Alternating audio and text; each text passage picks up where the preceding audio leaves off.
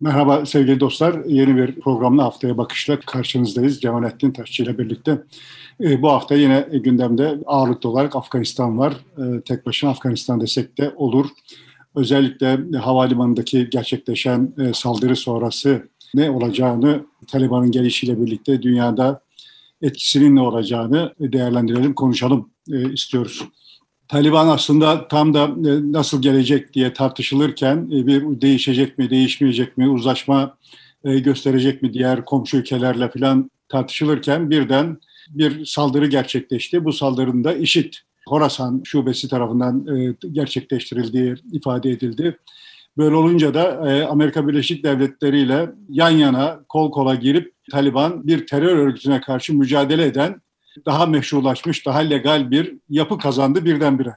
Sanki uzun vadede beklenen şey e, bir saldırı sonrası gerçekleşmiş gibi duruyor. Böyle mi gerçekten?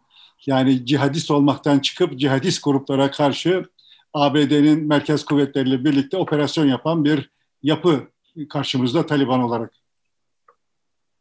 Yani dün neydim demeyeceksin yani. Yarın ne olacağım diyeceksin. Evet. Sonuçta her şey bağlamı içinde bir mana taşıyor. Teknik olarak bakarsak buradan evet, en kestirme söyleyebileceğimiz şey bu.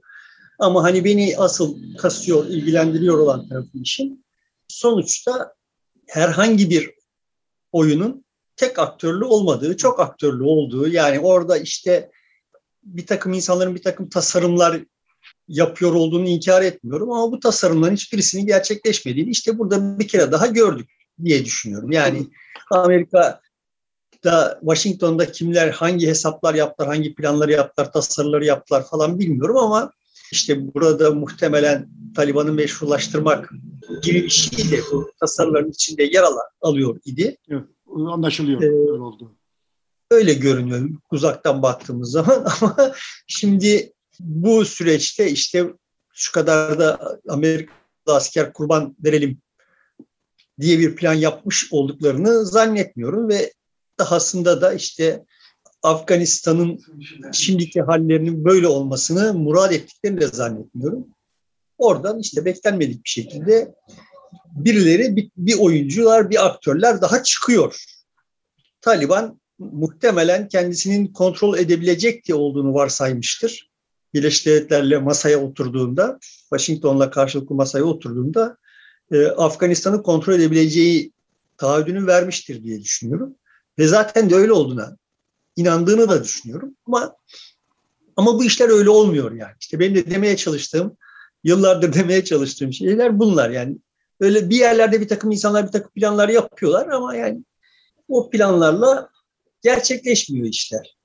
Yani işte futbolda da olay öyle oluyor. Teknik direktörler oturuyorlar bir, bir planlar yapıyorlar da karşıda da bir plan yapan birileri var. Yani veya karşıda da işte bir fırsat kollayan birileri var. Bu hikayede de bu gerçekleşti. Ha, ama şimdi Taliban'ın nispi olarak meşrulaşmış olması, cihadistlerle işte mücadele ediyor olması, eden bir pozisyona gelmesi falan muhtemelen hepimizin kafasında, herkesin kafasında bizim kullana geldiğimiz terminolojiyi gözden geçirme ihtiyacını doğuracak diye düşünüyorum. Yani aslında o terminolojiyi zaten çoktan gözden geçirmemiz gerekiyordu. Yani şimdi de kullandığımız tabir cihadist. Yani cihat nedir? İşte İslami bir terim. İslam adına yapılıyor olan bir şeylerden söz ediyormuşuz gibi konuşuyoruz. Aslında İslam adına bir şey yapılmıyor ya da yani İslam adına yapılıyor olsa bile bu İslam'ın neresine düşüyor konusunda zaten ciddi kafa karışıklığına ihtiyacımız vardı bizim. Yani, dün bir video dolaşıma girdi. Ne kadar doğru bilmiyorum. Hani bir takım cübbeli sarıklı adamlar, imam kıyafetli adamlar bir balıkçı restoranının önünde insanları aydınlatmaya çalışıyorlardı haram konusunda falan. Böyle usul usul sonuçta sorsan onlara yani işte tebliğ vazifesini yerine getiriyorlar. Çünkü evet işte onların inandığı İslam çerçevesinde o zorlama yok, tebliğ gerekiyor ama tebliğle bir mesuliyetleri var. E ama şartlar böyle değilken yine öyle inanıyor idiler. Yani Türkiye'nin siyasi şartları böyle değilken yine öyle inanıyor idiler. Tebliğ mesuliyetleri vardı ama hiçbirisi gidip Beşiktaş balıkçılar meyhaneler mahallesinde, mahallinde insanları ziyalandırmaya da cesaret edemiyordu. Yani şimdi İslam'ın neye cevaz verdiği, neyi emrettiği, bunun Müslümanlar tarafından nasıl algılandığı, hangi şartlarda kimin neyi yapabildiği vesaire çok geniş bir yelpaze meydana getiriyor. Evet onları şimdi e, de konuşalım istiyoruz. Taliban'ın iktidarı devralmasından sonra e, dünya İslamcı hareketinde nasıl bir etkisi olur diye.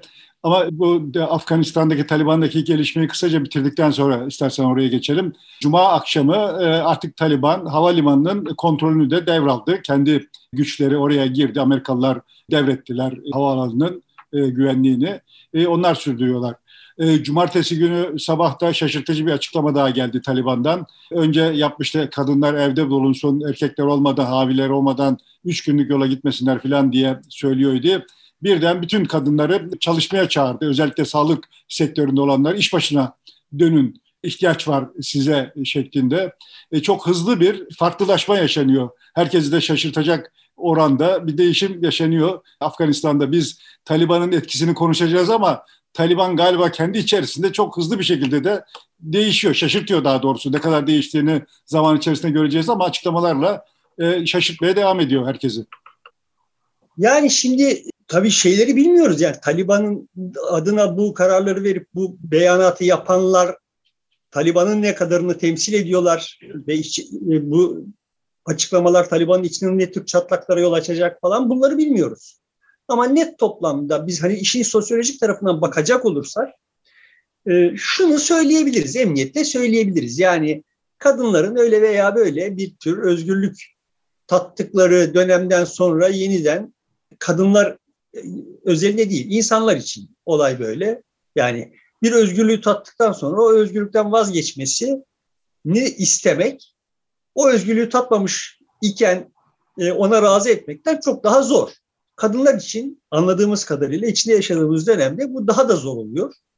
Yani birçok yerde birçok sosyal hareketin temel çekicisi, temel motoru kadınlar oluyor. Dolayısıyla şimdi Afganistan'daki kadınların aslında oyunun bir parçası olarak kalmak, oyunun bir parçası olmak ve olabildikleri kadar da öyle kalmak için ne kadar direnç göstermeye hevesli oldukları tahmin etmek zor değil. Çok heveslidirler. Zor olan bunun bu heveslerinin hangi bedellere yol açacağını tahmin etmek. Çünkü karşıdaki konsantre olmuş olan gücün bu gücü neye yaslıyor olduğunu bilmiyoruz. Yani ne kadarını silaha ne kadarını sosyolojiye yaslıyor olduğunu bilmiyoruz. Şunu da görüyoruz yani sonuçta hala bir erkek nesnesi olarak, kadını bir erkek nesnesi olarak görmeye çalışan bir nüfus var. Bu konuda hani şu yine içinde kalmasın şeyi de söyleyeyim. Yani biz e, hemen hemen hepimiz erkek çocuklar olarak doğduğumuz dünyada erkeklik hakkında belirli sosyal rollere sadece ailenin içinde değil okullarda vesaire falan falan da terbiye edilmişiz. Ve sadece bir nesil, sadece iki nesil içinde bu rollerin kendisine öğretilmiş olan o ve imtiyazı olan o rollerin çoğundan vazgeçti erkekler. Gönüllü olarak vazgeçti. Öyle silah zoruyla falan filan değil. Hani böyle zehirli erkek vesaire filan falan lafları eden güya feminist zevzeklere de söylemiş olayım ki evet yani sonuçta beklenmeyecek bir performanstır erkeklerin sergilediği performans. Ama belli coğrafyalarda yani tarihte benzeri olmayan bir performans yani. Bu kadar kısa süre içinde bu kadar ciddi bir biçimde dönüşebilmek herhangi bir sosyal kesim için kolay bir iş değil. Ve erkekler de bir sosyal kesim yani. Yani sen de muhtemelen bir erkek çocuk olarak çok oğlan olmak hasebiyle çok şımartılmış bir aileye doğmuşsundur. Yani ailen diğer ailelere göre bu konuda daha demokrat olsa bile fark etmiyor erkek, sonuç tabii. Erkek çocuk olmanın belli bir kıymet taşıyordu olduğu anneler tarafından hatta ablalar tarafından kız kardeşler tarafından da böyle telkin edildiği bir so- sosyal iklime doğduk ve oradan buraya işte kızlarımızı oğlanlarımızdan daha kıymetli gören bir yere geldik. Yani bu azımsanmayacak bir şey. Buradan böyle hani tamam yani sonuçta daha alınacak çok yol var. Buna bir itirazım yok. Ama bu yolu almak almak sırasında erkeklerin bu performansını göz göz ardı edip böyle orada burada bir takım zevzeklerin yaptığı işleri bütün erkekliğe ve erkekliğe e, fatura etmenin de bir şey yok. faturası Şimdi e, görünen o ki ama yani sadece Türkiye'de değil yani bütün dünyada görünen o ki Afganistan'da olup biten kadın üzerinden okunuyor. Şimdi bu, bu 40 yıl önce olsaydı böyle okunmazdı. Şimdi bunu şunun için özellikle sordum. Çünkü Taliban'la e, IŞİD arasında bir e, çekişme var. Öteden beri kurulduğundan bu yana e, karşı karşıya gelmişlerdi. Silahlı çatışmaya da gittiler. İşte şeriata bakışları, dünyaya bakışları, İslam algılayışları çok farklı birbirinden. Son olaylardan sonra Taliban'ı davayı satmakla, cihadı satmakla suçladılar. ABD ile anlaşma yapınca. Şimdi de şu noktada sıkıştırıyorlar. Sen e, uzlaşmacısın, davayı sattın. Biz şimdi e, İslam'ı asıl temsil eden insanlarız. Eğer Taliban uzlaşma fikrinden vazgeçerse radikalleşecek, e, uzlaşma fikrini sürdürürse de taban kaybedecek. Böyle sıkıştığı bir noktada Taliban'ın yaptığı ilk açıklama kadınları çalışmaya çağırması oldu. Hayır ben senin karşında sıkışmıyorum, e, yolumda devam edeceğim. Hem uzlaşacağım hem de kadınlarla birlikte olacağım anlamına gelen IŞİD'in bu saldırısına e, verdiği bir cevap gibi geldi bana. Onun için e, özellikle bu noktayı sordum. Ben de işte özellikle oraya getirmeye çalışıyorum. Sonuçta hikayeyi baştan itibaren kadınlar mevzuunda okuyoruz. Kadınlar çerçevesinden okuyoruz. Ben IŞİD ile Taliban arasında o kadar ciddi bir yorum farkı olduğunu düşünmüyorum. Yani gördüğüm kadarıyla temel fark şöyle bir şey. Yani Taliban diyor ki işte biz Afganistan'da şeriatı hakim kılacağız. IŞİD diyor ki yani bu bize yetmez. Daha büyük coğrafyaya bu e, şeriatı ihraç etme motivasyonundan vazgeçmememiz gerekir. Ama yani sonuçta İslam dedikleri şeyi de bir anlaşmazlık olduğunu zannetmiyorum. Sorun şurada. Tekrar altına çizeyim. O İslam dediğin şeyi yorumlamaya başladığın zaman yani bu sosyalizmi yorumlamaya başladığın zaman da böyle işte kapitalizmi yorumlamaya başladığın zaman da böyle İslam dediğin şey yorumlamaya başladığın zaman giderek giderek giderek daha köşeli daha köşeli daha köşeli ve insana hiç yer bırakmayan insani olan ne varsa ona hiç yer bırakmayan bir şey halini alır. Ve işte bu radikalleşme iddiası da olayı buraya götürür. Bu neden oluyor? Esasında bunun arkasında yatıyor olan bir tane sebep var. O da Müslüman olanın dünyada saygıdeğer olmaması. Yani temel sıkıntı bu. Bir saygı talebi var. Bu saygı hep vardı. Yani çok uzun süredir bu kaybedilmiş olan saygıyı arayış vardı. Bu arayışın muhtelif yolları vardı. Muhtelif denemeler yapıldı. Yani Nasır Kemal kendince bir deneme yaptı. Nasır kendince başka bir deneme yaptı. Ve gördüğümüz tablo ne oldu? İşte sonra Hümeyni, Kaddafi filan falan başka denemeler yaptıklarında onlar daha köşeli oldular. Sonrasında ama yani bu bir türlü bu projelerin hiçbirisi sonuç vermedi yani. Her seferinde işler biraz daha kötüye gitti. İşler biraz daha kötüye gidince artık yani saygıyı talep etmekten bile vazgeçmiş, dünyanın canını yakan, yakmakta bir şey gören, bir tatmin gören bir hale geldi bu iş. Buradan şunu söyleyebilirim yani Müslümanlar saygı görecek, dünyada saygı görecek, saygıdeğer olacak bir pozisyona gelemedikçe bu tırmanacaktır ve bunun mutlaka bu bayrağı bir taşıyan olacaktır. Taliban burada öyle veya böyle yani biz sonra şimdi olduğu gibi sonrasında da işi şöyle yorumlayacağız yani. Burada işte Taliban daha aşırılarla daha ılımlar arasında sıkıştı. Bunlar bizim terimlerimiz yani. Aslında temelde mesele Afganistan'ı kontrol ettiği için kendince, kendileri için bir tatmin elde etmiş olanlar var. Afganistan'ı kontrol edemedikleri için işte İslami yorumlarında bilmem nerelere kaçarak bir mücadeleyi sürdürmeye çalışanlar var falan. Biz şimdi bunları yani yarın öbür gün birçok bakımdan Taliban IŞİD'den daha radikal olabilir ama işte Afganistan'ı kontrol edip Çin'in oraya ta- taarruzuna, tasallutuna da mani oluyor ise Batı dünyası için hala daha ılımlı olarak görülüyor olabilir. Bu terimlerin çok bir manası yok. Bunu demeye çalışıyorum. Arka planda bir güç konsantrasyonu var. Bu güç konsantrasyonunun yaslandığı yer neresi? Elindeki silahlar. Ama işte şimdi IŞİD'e karşı bir pozisyon sağlıyor kendisine diye uluslararası planda ve işte sosyoloji de muhtemelen kadınları daha çok sıkıştırmanın maliyetini de yönetemeyecek, yönetemeyebilecek olduğundan korktuğu için birileri böyle açıklamalar yaptı ve fakat buradan yola çıkarak biz e, Afganistan'da kadının hayatının nispi olarak da olsa zor, kolaylaşacağını tahmin edemeyiz diye düşünüyorum. Çünkü kadın kadın bütün bu hesaplaşmanın ana pratik düğümü haline aldı. Yani kadını kadına nasıl muamele edilecek? Sistemin içinde kadının yeri ne? Problem bu yani. Şimdi iş buraya geldi çünkü İslam'ın başka herhangi bir şeyi bugünün dünyasında yaşayabilir olmadı. Yaşayamıyor yani. Çünkü neden? Beyzadeler oturdukları zaman işte Emevilerin bilmem nesi işte oradan dört halife dönemi, asrı saadet falanlar üzerinden bugünün dünyasına yönelik reçeteler çıkartmaya çalışıyorlar. o reçetelerden bir şey çıkmıyor.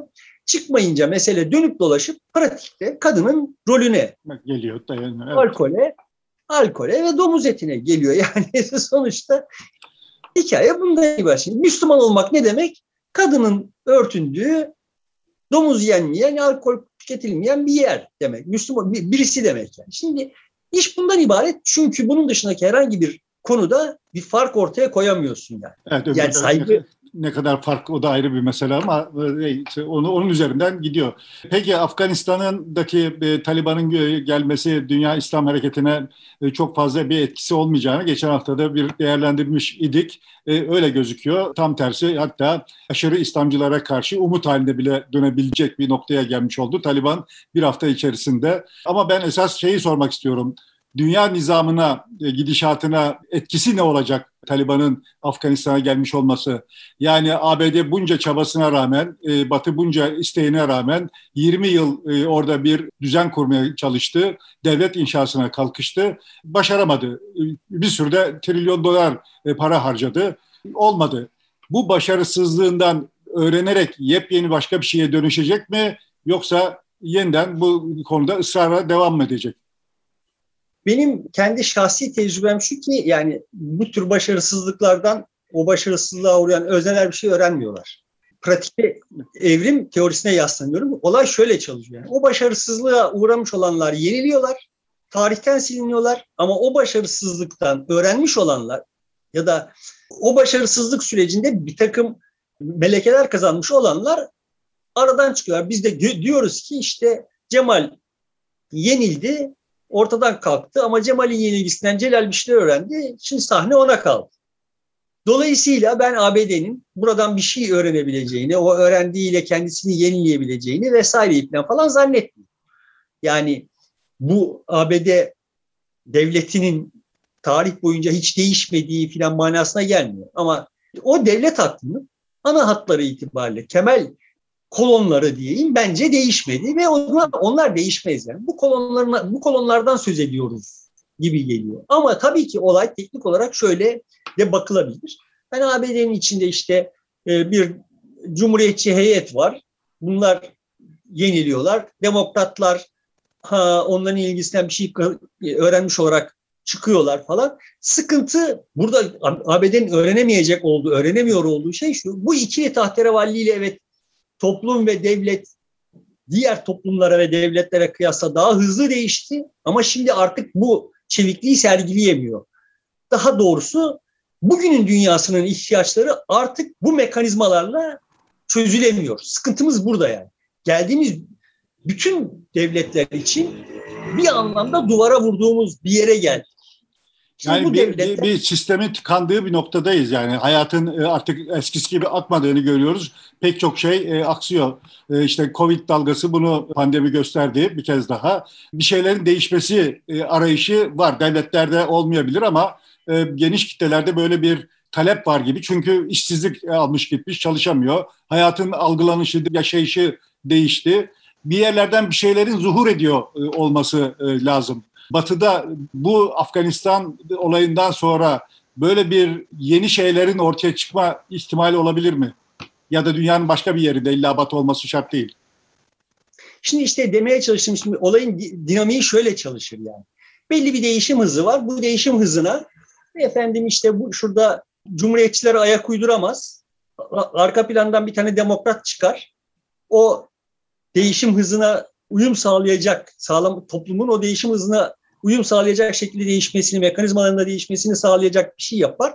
Şimdi bu makul bir değişim hızı olduğunda ve işte bir değişimin karakteri de bu devletleri var eden şartlara uygun olduğunda yani karakteristik olarak olay bir benzerlik, bir akrabalık sergilediğinde bir sıkıntı yoktu. Devletler usul usul değiştiler. Dünya usul usul değişirken devletler usul usul değiştiler ve iş yaptılar. İş problem çözdüler yani. Problem çözdüler derken sadece yol yaptılar, kanalizasyon yaptılar manasında değil. Toplumda daha çok insanın eğitim görmesini sağladılar, daha çok insanın sınıf atlamasını sağladılar, insanların geleceğe ümitle bakmasını sağladılar vesaire vesaire birçok iş yaptılar. Yaptıkları iş bugünden baktığımız zaman çok derme çatma işler olabilir ve birçok da yaralı bırakmış olabilir arkalarında. Evet ama sonuçta net toplamda iş yaptılar, iş yaptıkları için hayatta kaldılar. Kendileri değiştiler, toplum değişti. Şimdi biz 1960'larla başlayan, 1980'lerle hızlanan başka bir faza geçtik. Bu karakteristik olarak başka bir dünya. Yani dünyanın temelinde bizim yaptığımız bu devletleri de var kılan varsayımlar nelerse bu varsayımlar iflas etmiş. Öyle bir değişim yaşıyoruz ve bu değişime bildiğimiz mekanizmalarla, bildiğimiz devlet aklıyla, bildiğimiz devletin değişim dinamikleriyle cevap vermeye çalışıyoruz, veremiyoruz.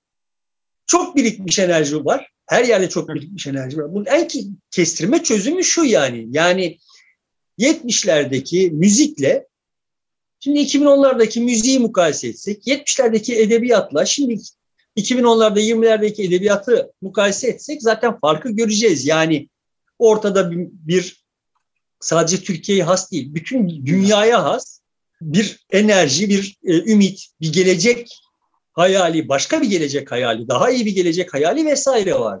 Şimdikinde sadece kendisi gibi olmayanı dışlamak ve onu cezalandırmak üzerinden kurulu pasif, defansif, yıkıcı yani sadece yöneldiği özneyi değil, onu taşıyan özneyi de yıkar. Yani hayatla beklentin, hayattaki beklentin sadece senin düşmanının tuş olmasını görmek olduğu zaman bu senin için de büyük bir yenilgi yani.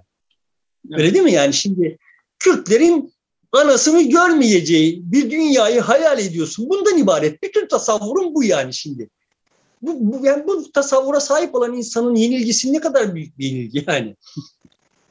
Yani veya işte kadınların sokağa çıkmayacağını hayal eden bir erkeksin yani. Gibi yani şimdi sonuçta bütün hareketler için temel sorun Müslümanlar için olay böyle, Müslümanlar için böyle de işte milliyetçiler için öyle değil mi? Kürtler için öyle değil mi? Yani Türk milliyetçileri için öyle de Kürt milliyetçileri için başka mı? İşte herkes için tablo bu. Ve bütün dünyada tablo bu yani.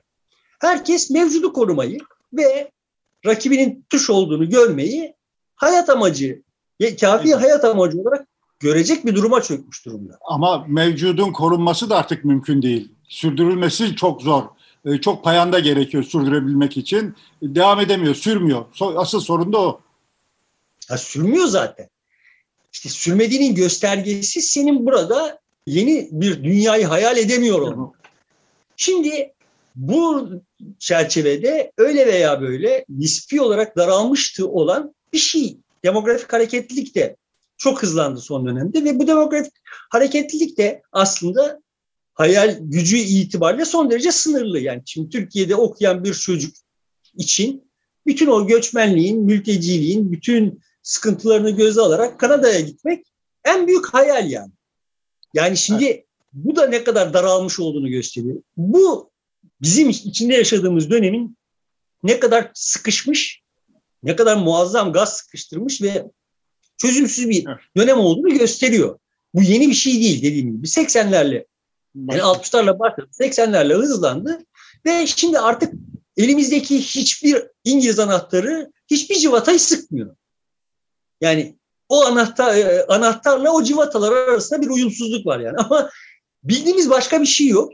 Dolayısıyla durmadan elimize attığımızda işte şuradan şu kerpeteni alıp şu işi yapıyoruz. Buradan bu çekici alıp şu çivinin tepesine vuruyoruz ama hiçbir şey, sistemdeki hiçbir şey çalışmıyor.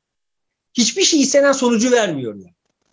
Sorun şu, bu hiçbir şey istenen sonucu vermezken entelijansiya dünyanın her yerinde bunu bir niye yani şimdi 60'ların Yani Sartre'ları vesaireleri falan falan hayal et. Onlar bu dönemde yaşıyor olsalardı üf yani buradan kendileri için nasıl bir kariyer hayaliyle ne coşkuyla ne hikayeler yazarlardı. Yani ne hayaller koyarlardı insanların önüne. Ama şimdi o dönemde senin çok iyi bildiğin bir e, Sputnik ayağını diye bir mesele vardı. İşte Rusların aya çıkmaları karşısında e, Batı, ABD harekete geçti ve kendini derledi, toparladı. Ve birden atağa geçti. Yepyeni bir şey geliştirdi, hayal kurdu. Herkes onun peşinden gidebildi. Ama şimdi sorun yeni bir bu tür yenilgilerde yeni bir Sputnik anı yaşayamıyor Amerika Birleşik Devletleri'de. Hayatını sürdürebilecek bir atak yapamıyor. Sorun burada. Dolayısıyla yeni fikirlerde, yeni müzikte çıkmıyor. Şimdi Sputnik anı Amerika Birleşik Devletleri yani daha doğrusu ulus devlet mimarisi için uygun bir meydan okumaya uygun bir cevap. Yani neydi uygun meydan okuma? Rusya bizi geçti. Bizim şimdi Rusya'yı geçmemiz lazım. Rusya'yı geçmek için de ne yapmamız lazım? Şimdi Birleşik Devletler olarak zaten daha önce defalarca yapılmıştı olanı bir daha yapmak lazım. Yeni yeni bir seviyede. O daha önce yapılmış olan neydi? Tarım toplumundan sanayi toplumuna geçilmişti. O sanayi toplumunda daha yoğun yani daha nasıl diyeyim ikinci tür sanayi diyebileceğimiz işte o üretim bandı vesaire falan falana geçilmişti. Şimdi oradan bir kademe e, yukarıya sonradan otomasyon olacak olan yine sanayide ama daha işte otomasyon olacak olan falan filan yeni bir faza geçilmesi gerekiyordu. Şimdi hikayenin tamamı klasik hikayeye uygundu. Uluslararası bir çatışma var. Bu uluslararası çatışma Soğuk Savaş marifetiyle iki ana blokta kristalize edilmiş. Bu devletlerin bildiği iş bu. Dolayısıyla Amerika Birleşik Devletleri de bunu biliyordu. İkincisi Amerika Birleşik Devletleri biliyordu ki evet yani işte böyle usul usul birikmiş olanı radikal bir takım şeylerle yani bunu işte daha önce savaşta Birinci Dünya Savaşı'nda sonraki İkinci Dünya Savaşı'nda falan yapmıştı Amerika yani. Yani dolayısıyla bu tür şeyleri fırsat haline getire, getirebilmişti. Orada da fırsatı kendisi yarattı. Yani işte bak ha, Ruslar bizi geçtiler şimdi Ay'a yolculuk yapıp onları geçeceğiz diye fırsatı kendisi yarattı. Ama işte şimdi birikmiş olan problemlerin karakteri öyle değil. Yani değil işte mesele kere, burada. Hı. İşte o yüzden ben de diyorum ki şimdi burada böyle ama bu hayalleri kuruyordur Amerika'da, Washington'da, Pentagon'da, Beyaz Saray'da birileri. Aha şimdi buradan şunu fırsat bilip şöyle bir sıçrama falan falan sıçrayacak bir yer yok artık. Ve çok abuk sabuk nasıl diyeyim tedbirler geliştiriliyor bana kalırsa. Bugün dünyanın geldiği noktayı gerçekten hani böyle seninle e, yıllardır konuşup duruyoruz burada da. Yani bu aradaki farklılaşmayı anlatmakta zorlanıyorum. Çünkü hakikaten kimsenin ya herkesin her şeye sağır olduğu bir şey var. Bak ben çok somut bir şey söyleyeyim. 17. yüzyıl geldiğinde ortalama dünyada yani Avrupa'da iyi yetişmiş birisinin bilgisi, bilgisinin kaynakları ondan 6000 yıl önce Mısır'da yaşamış olan bir rahibin bilgisi ve bilgisinin kaynaklarıyla çok az farka sahip. Çok az yani. Tamam mı? Yani sonuçta o rahibin bilgisi yeniden yorumlana, yeniden yorumlana, yeniden yorumlana 8 bin yıl boyunca gelmiştir ve bütün dünya az çok o bilgiyle, o bilginin muhtelif yorumlarıyla dünyayı algılıyor, değerlendiriyor, kendi hayatına mana biçiyor, otoriteye mana biçiyor, örgütlenme tarzını ona göre biçimlendiriyor filan idi. Yani oradan itibaren zemberek boşandı ve işte o sonradan baktığımız zaman modernleşme dediğimiz, sanayi devrimi dediğimiz, bilim, bilimsel devrim falan dediğimiz kim neresinden tutuyorsa adını oradan koydu. O tuhaf iş gerçekleşti. Sonrasında işte ona benzer, o 17. yüzyıldakine benzer bir zemberek boşanmasıyla karşı karşıyayız ve o ölçekte bir cevap vermemiz gerekiyor. Yani 17. yüzyıldan 21. yüzyıla gelene kadar, 20. yüzyılın ortalarına gelene kadar aslında biz bilme biçimleri, kavramlaştırma vesaireler falan açısından çok şey değişmeden geldik. Açtık, karnımızı doyurmamız gerekiyordu. Daha çok insanın karnı doyurmamız, doyurmamız gerekiyordu. Çabuk ölüyorduk, daha uzun yaşamamız gerekiyordu vesaire filan falan. Şimdi tam bunların tersi problemlerle karşı karşıyayız. Ve ama şimdi geldiğimiz entelijans, şimdi geldiğimiz durumda entelijansiyamız ne yapıyor? Bize yeni bir takım hayaller, yeni bir takım ümitler vesaire üretmesi gerekirken orada düşmanlar işte vay burada aşık karşıtları var, şurada bilmem göçmen karşıtları küresel, var. Göçmen karşıtları var. Bu da şurada küreselciler var, burada ulusalcılar var filan falan. Herkesin derdi bir düşman belirleyip o düşmanı sindirmeye çalışmak, susturmaya çalışmak yani. Ya şimdi bu kadar e, ufuksuz bir entelijansiyanın elinde bu ölçekteki problemlerle baş edebilecek miyiz? Ben de zaman zaman şüpheye düşüyorum. Yani sonra ama ana hatları itibariyle gençlerin e, hallerine, tavırlarına baktığımda oradan şu çıkacak manasına değil. Ama bu çocukların bizden farklı olmaları üzerinden bir şey çıkartma, bir şey yapma ihtimallerinin olduğunu düşünüyorum. Bilmiyorum yani Şimdi 17. yüzyıldaki bu değişimi e, hiçbir devlet organize etmedi. E, bu dönüşüm, sanayileşme e, biraz kendiliğinden başka faktörlerle oldu. Devletler sonradan buna uygun olarak kendilerini biçimlendirip örgütlediler. Şimdi de muhtemelen devletin önderliğinde böyle yeni bir şey çıkmayabilir.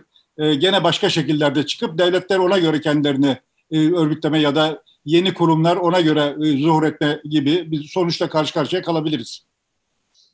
Zaten kimse sonuçta 17. yüzyılda ortaya çıkan şey aslında işte o zembereği boşanmış dünyada ortaya çıkan, başını kaldıran, yeni hayaller kurmaya cüret eden ve işte sonradan bizim burjuvazi dediğimiz insanların bireysel ihtiraslarının peşinde koşarken yaptıklarının sonucu olarak ortaya çıktı. Kimse planlamış değil, kimse planlayamaz zaten böyle bir şey. Şimdi de öyle bir şey mümkün değil.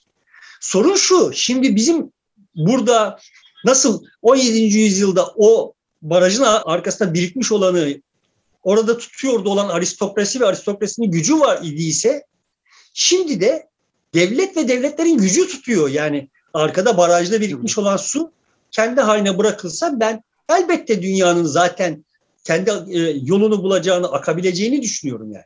Akamıyor çünkü şimdi devletlerin blokajı var. Yani şimdi işte, işte aslında devletlerde de şöyle bir değişim var gibi bugüne kadar hep petrole dayalı ve e, silah sanayine dayalı bir endüstrinin ihtiyacına öncelik veriyordu devletler. Şimdi bunlardan uzaklaşıp daha çok teknoloji, büyük teknoloji firmalarının ihtiyacına cevap verir bir hatta geçmeye çalışıyorlar. Bunu geçerken başka bir şey yapamazlar mı? Ya da bu geçiş bize yeni bir ufuk açar mı yoksa tamamen ufkumuzu karartır mı? Sonuçta Türkiye Cumhuriyeti Devleti yeni bir yasa tasarısı hazırlıyor. Bu yani Türkiye Cumhuriyeti Devleti'ne has bir şey değil. Yani bütün dünyada bütün devletler benzeri sıkıntıları yaşıyorlar. Tabii ki gösterdikleri reaksiyonlar çok kategorik olarak aynı olsa da uygulamada aynı olmayacak biliyoruz ama yani bizimki kadar çirkin olmayacak biliyoruz ama yani sonuçta işte sosyal medyada sosyal medyayı düzenlemeye yönelik bir takım şeyler yapılmaya çalışıyor. Şimdi bunu yaparken de bütün bu senin sözünü ettiğin o teknoloji devleriyle pazarlıklar yapılacak. Onlar bu pazarlıklar yani Twitter'ın daha önce seninle Twitter üzerinden bunu konuştuk. Twitter'ın kontrolü benim elimde olmadığı zaman Twitter'ın sahibi devletlerle anlaşır ve ben kaybederim. Yani bunun bunun lamicimi yok. Dolayısıyla benim açımdan silah sanayine, teknolojiye geçilmiş olması zaten onu da çok öyle olmayabileceğini diye düşünüyorum. Yani teknolojinin kendisinin bir savaş enstrümanı haline aldığı da görünüyor da onun ötesinde daha vahimi yani sonuçta önümüzdeki dönemdeki savaşlar robotların Savaş. cephelerde savaştığı şeyler halini alacak vesaire. Dolayısıyla alabilir yani. Dolayısıyla teknolojiyle savaşı birbirinden ayırt etmek de o kadar kolay olmayabilir önümüzdeki dönemde de. Asıl mesele orada değil. Asıl mesele benim açımdan asıl, asıl mesele şurada. Sonuçta bir takım teknoloji devleri zuhur etti ve şimdi bu teknoloji devleriyle devletler sırt sırta verip bu barajı barajın arkasındaki suyu bir süre daha orada tutmanın e, yollarını arayacaklardır. Şu benim için çarpıcı bir e, durumdu. Afganistan'da havalimanına saldırı gerçekleştiği gün Joe Biden da Amerika'da bu teknoloji firmalarıyla işte Amazon'du, Microsoft'tu, IBM'di, e, Apple'dı bunların üst yöneticileriyle toplantı yaptı ve gündem e, siber saldırılar. Buna karşı nasıl mücadele edeceğiz şeklindeydi ve onlar da bütçelerini işte 10 milyar, 20 milyar mertebelerinde, dolar mertebelerinde artıracaklarını ifade ettiler. Yani sahadaki bir terörle meşguliyet olmaktan daha çok teknoloji firmalarıyla oradaki terörle ilgili bir e, toplantı e, yapıldı aynı gün. Şimdi büyük ihtimalle zaten daha önceden planlanmış tabii bir şeydi ve çünkü çünkü büyük ihtimalle yani Çin bir tehdit daha önce Rusya bu anlamda bir tehdit olduğunu gösterdi. Ve Birleşik Devletler'in bu anlamda ne kadar kırılgan olduğunu, teknolojik taarruzlara karşı ne kadar kırılgan olduğunu gösterdi. Ve defansif bir şeye ihtiyaç var. Yani bir bariyere ihtiyaç var. Dolayısıyla böyle bir toplantı planlandı, yapıldı. Burada sorun şu, benim söylemeye çalıştığım. Olay bu kadar merkezileştiği zaman, bu kadar güç biriktiği zaman, Twitter'ın elinde, Google'ın elinde falan falan güç bu kadar biriktiği zaman o gücün devletlere rağmen iş yapmasını beklemek ham hayal. Burada temel mesele bizim açımızdan, sıradan insanlar açısından temel mesele Google'ın kendisini tehdit altında hissedeceği, Twitter'ın kendisini tehdit altında hissedeceği, Facebook'un kendisini tehdit altında hissedeceği çiçeklenmelerin aşağıda olabiliyor olması. Ve bunlar giderek zorlaşıyorlar yani. Daha doğrusu bunlar şöyle oluyor yani işte e, Çin'de veya Japonya'da bir ara Türkiye'de denendi filan olduğu gibi e, milliyetçi reflekslerle oluyor. İşte oradaki WhatsApp'a karşı işte WeChat yapıyor Çinliler, Çin işi filan. Ha şimdi ve bunu böyle pazarlıyorlar. Şimdi Putin bunu bir dönem çok force etmişti yani. Rusya'da Rusya'ya has Wikipedia'sıydı, ansiklopedisiydi falan falan için. Hala force ediyor mu bilmiyorum. Sonuçta şimdi iş böyle büyük devler yaratmak, devletlerin işi böyle büyük devler yaratmak, Amerikalı devlere karşı böyle büyük devler yaratmak işini aldı. Benim açımdan tehdit zaten bu devlerin hepsi.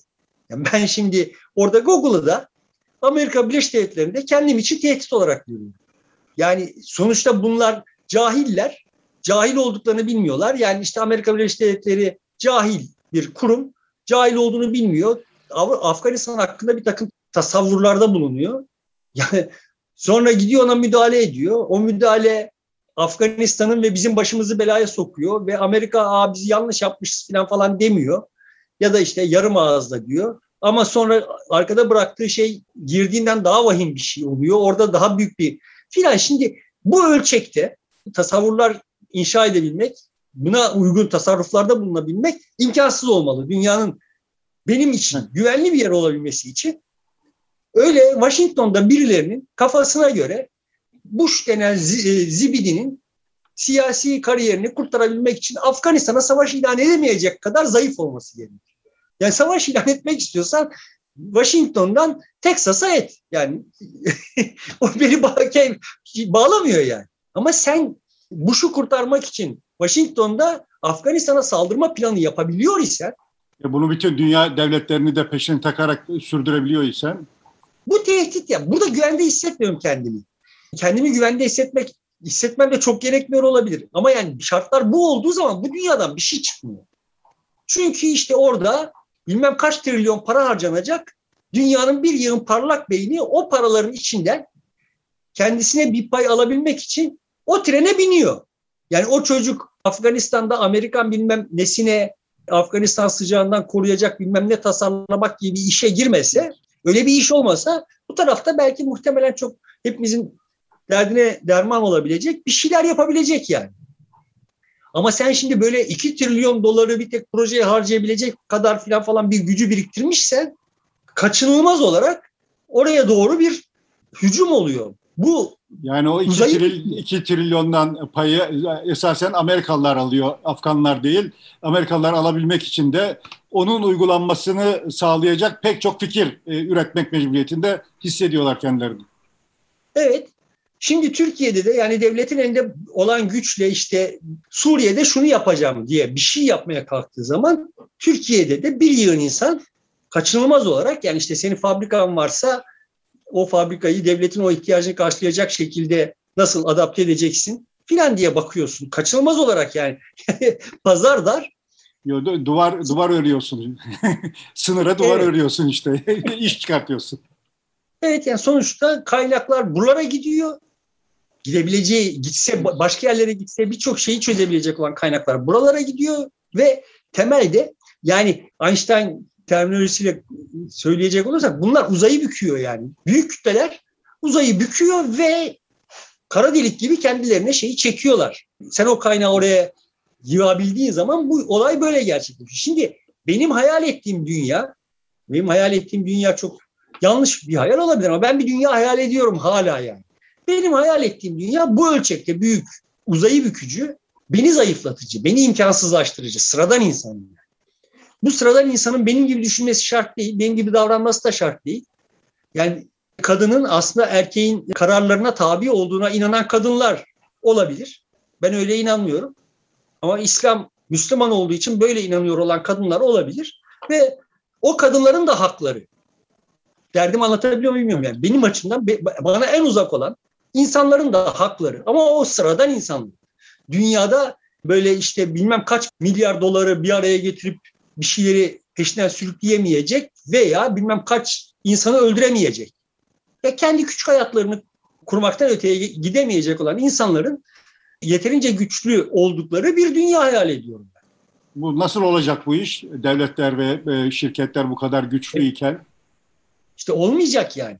Dolayısıyla şimdi ha bak Biden teknoloji şirketleriyle bir araya geldi, silah şirketleriyle değil de teknoloji şirketleriyle bir araya geldi dediğin zaman bu benim için bir ümit manası taşımıyor. Çünkü biliyorum ki orada bir yıl kirli ilişki kuruldu şimdi. Yani orada muhtemelen işte muhtemel Amerikan düşmanı olabilecek olanları nasıl dinleyeceğiz teknolojilerinden bilmem nereye kadar abuk sabuk işler için milyarlarca dolar harcanacak, yatırılacak. O, o dolarlar da çoğu telef olacak. Ayrıca da işte o teknoloji şirketlerinde bak vergilendiriyoruz demek için bir takım operasyonlar yapılacak ama onlardan burada alınan para işte böyle projelerle geri verilecek. Dolayısıyla bizim gözümüz boyanacak. Devlet ve büyük şirketler bizim aleyhimize ittifaklarını yapmış, bize kazıklamış olacaklar. Ben de bunun olmasına karşıyım. İşin öteki tarafından ama net toplamda bütün bunlar ne kadar planlanırlarsa planlansınlar. Bunları planlayanlar ne kadar güçlü olursa olurlarsa olsunlar. Sonuçta ağır ağır da olsa dünyada bir şeyler oluyor.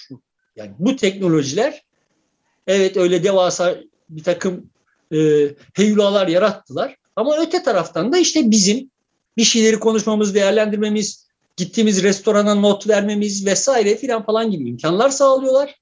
Dolayısıyla bizi de güçlendiriyorlar.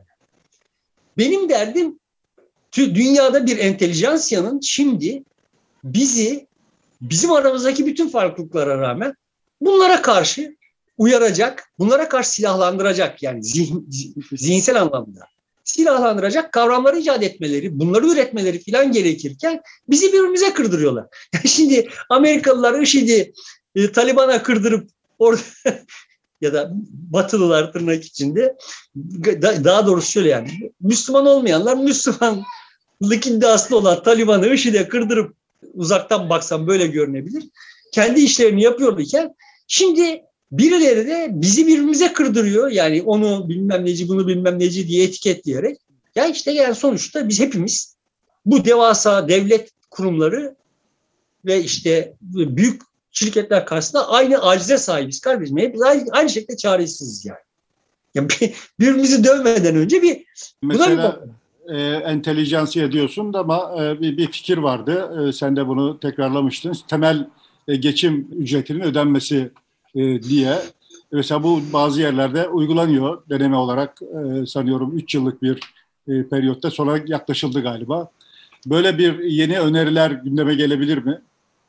Ya da bu ne anlamı ifade eder? Bu bir şeyi çözer mi? Şimdi ben dün Medyaskop'ta bu çip kriziyle ilgili olarak konuşurken sonunda işi müştereklere getirdim. Yani, yani konular, konuları nereden başlatırsanız başlatın ben hep aynı yere getirmeyi, getirmeyi beceriyorum gördüğünüz gibi yani. Yani sonuçta seninle daha önce yaptığımız işte temel gelir haktır falan da, da söylediğim şeyin arkasındayım. Yani bizim bugün içinde yaşadığımız dünyada teorik olarak bakacak olursak bundan 300 yıl önce de aslında dünyada eşit haklara sahip idik ve fakat birileri bizim elimizden bunları alıp işte sultan olmuştu, ötekisi baron olmuştu, öteki kont olmuştu filan falan. ama yani gücümüz yetmiyordu onlarla mücadele etmeye. Dolayısıyla bize müstahak gördüklerine de işte razı gelmek zorundaydık. Sonra şartlar değişti. Bu biraz öteledik bu güçleri. Biraz biz güçlendik filan falan.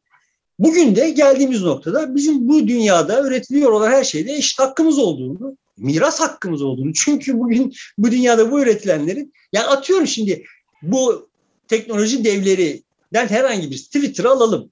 Şu kadar Harvard mezunu çalıştırıyor. Şimdi e, Harvard dediği sonuçta bir müşterek. Common yani toplumun malı yani. Sen şimdi oradan üretilmiş olan ve bütün toplumun malı olan bir değeri alıp kendi şirketinde kullanıyorsun ve bunun bedelini ödemiyorsun. Yani ona bir ücret ödüyorsun. Ve oradan Harvard'dan mezun olmuş olan hani bunu kendi mezun olduğum okula getireyim. Yani ben işte ODTÜ mezunuyum. ODTÜ bütün Türkiye'nin fedakarlıkları sayesinde daha önce bunu konuşmuştuk. Fedakarlıkları sayesinde var olan bir yer. Orada sınırlı sayıda insan okuyabiliyor. Ben de onlardan bir tanesiyim okumuşum. Şimdi ben ODTÜ mezun olduğum için falanca firma bana başkalarından daha yüksek ücret ödüyor. Beni ödüllendiriyor yani. Ama kimse benim yetişmem için var edilmiş olan, şu kadar da fedakarlığa katlanmış olan, o, o kurum için fedakarlık yapmış olanları ödüllendirmiyor. Kimse oraya bir ödeme yapmıyor yani. Bir gün seninle otururuz benim kafamdaki eğitim reformu nasıl bir şeydi bunun üzerinden bu hikayeleri de konuşuruz da. Demeye çalıştığım böyle müşterekler var. Ve bu müşterekler yani mesela su kaynakları, kıt ve ama işte Konya'da bir takım çiftçiler için bu 3.30 paraya bazen bedavaya kullandırılıyor. Ya da işte neyse aklına gelen. Sonuçta bir takım müşterek değerler var ve işte zamanında şey olduğu gibi üniversite kuracaklarsa ben Çankaya'nın bahçesini bile açarım demiş idi Süleyman Demirel. Bu Sabancı'nın Sabancı Üniversitesi için alan tahsis edilirken. Şimdi genel kanaat bu yani. Tamam mı? Şimdi topluma fayda sağlayacağını düşündüğümüz için koç grubunu efendim işte bilmem çalık grubunu şunu bunu destekliyoruz. Devlet böyle bir hikaye okuyor tamam mı bize? Biz de bu hikayeye katılıyoruz. Evet tamam onun da bir toplumsal faydası var filan. Ama yani bunu biz eşitleşemiyoruz. Benim derdim şu. Bize bu müştereklerin parasını yani suyun parasını çiftçiden, hayvan yetiştiricisinden, çift üreticisinden suyun parasını tahsil edin. Çiftler pahalılaşsın, hamburger pahalılaşsın ama neyi satın alacağıma ben karar vereyim yani. Şimdi bu benim açımdan ha bu, bu bütün bunlar şey yaptığı zaman parayı sana ödeyecek. ha, o suyun parasını topluma ödesinler. Yani bu temel gelirin bir mantığı olması için bunu söylüyorum. Bu müşterekler var. Bu müştereklerden elde edilen neyse bunları doğru fiyatlandırın. Sonra da bu müştereklerden elde edilen ne varsa bunu hep bize dağıtın. Temel gelir olarak bunu dağıtın.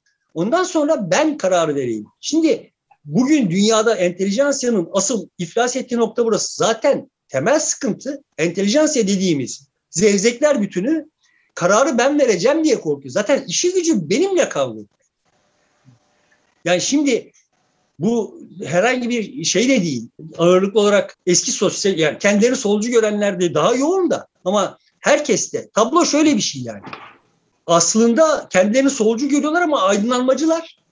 İşleri benimle eşit olmak değil. benden yukarıda olmak üzere benim adıma kararları vermek üzere kurulmuş dünyalar. Milliyetçisinin de öyle, Kürdünün de, Kürtçüsünün de öyle, İslamcısı zaten çoktan öyle olduğunu ispatladı. Yani herkesin derdi ben doğrusunu biliyorum. Senin adına kararı ben vereceğim. Şimdi parayı, ben de parayı sana da vermek yerine e, sana vereceği parayı biriktirip kendisi kullanacak. Tamam. Nereye vereceğim? Parayı bana, paranın bana verilmesi en çok bu yüzden bunları ürkütüyor. Parayı bana verirlerse ben yani gideceğim onunla onların benim almamam gerektiğini düşündükleri şeyi alacağım. Yani benim gömleğe ihtiyacım varken çikolata alacağım. Olur mu öyle bir şey? Yani bilmezsin sen paranın nereye harcayacağını. Kafa bu yani. Şimdi te- tekrar söylüyorum. Öyle değil mi yani? Solcusunda kafa bu. Müs- şeriatçısında, cihatçısında, Müslümanında, siyasal İslamcısında kafa bu. Milliyetçisinde kafa bu. Herkesin kafası bu yani. Sen bilmezsin parayı nereye harcayacağını. Halbuki bu para çok tayin edici bir şey. Bu parayı sıradan insanlara dağıttığın zaman o sıradan insanlar güçlenir. Yani bunu daha önce özellikle işte bu Dünya Bankası şeyleriyle başladıydı. Türkiye'de de uygulandı. Yani doğrudan yardımları doğrudan kadının eline verdiği zaman mesela her şey kökten değişti. Yani kocasının eline verdiğin zamanki ne farklı oldu. Çünkü yani o para güçtür. parayı bana verdiğin zaman Şehircilik Bakanlığı'nda birikmiş olan parayı bana verdiğin zaman biz pekala bambaşka yollarla kendi aramızda kendi şeyimizi, e, problemlerimizi çözebiliriz. Sıkıntı zaten buradan kaynaklanıyor ve şimdi böyle bakınca Amerika'da demokrat iktidarın işte 2 trilyon dolar harcayacağım filan falan hikayeleri benim açımdan benim hayalini kurduğum dünyaya götüren yollar değil. Bu şu manaya gelmiyor. Orada bir takım hepimizin faydalanacağı türden işlere de buradan bir takım işli kaynaklar gidecektir. E, gidecektir yani. Ona bir şüphem yok. Ama buradaki ideoloji, buradaki dünya kavrayış benim itiraz ettiğim şeylerin tamamını barındırıyor yani. Tekrar da söyleyeyim yani bu İstersen böyle toparlayalım yavaş yavaş. Evet toparlayalım. Şöyle yani ben devletlerden bu anlamda aa bak hakikaten bu bizim bildiğimiz dünyanın sonu geldi. Bu sürmüyor artık. O halde biz şimdi şöyle yapalım falan falan demeleri beklemiyorum. Demezler yani. Beklemek de ham hayal. Burada işte dev firmaların da bu anlamda tamam bak bu işin sonu gelmiş. O halde biz şimdi filan demelerini beklemek yanlış. Burada e, top entelijansının önünde. Onların bize başka türlü bir dünya hayali kurma fırsatı vermeleri gerekiyor. Bunun için önce kendilerinin bir hayal kurabilmesi gerekiyor. Bu hayalde bizim merkezde olmamız, yani sıradan insanın merkezde olması gerekiyor. Dünyanın mevcut teknolojik ve sosyolojik şartlarının böyle hayaller için artık elverişli olduğunu düşünüyorum. Bakalım bir Afganistan meselesinden sonra dünya acaba yepyeni başka bir ufka taşınabilecek mi? Muhtemelen önümüzdeki dönem bunun mücadelesi olacak. Covid zaten bunu epeyce bir hızlandırdı. Giderek de sıkışan bir dünya var. Muhtemelen bir yerden bir şeylerin zuhur etmesi kaçınılmaz hale gelecek diyelim. Bitirelim mi? Evet. Evet sevgili dostlar burada bitiriyoruz. Yeniden görüşmek üzere. Hoşçakalın.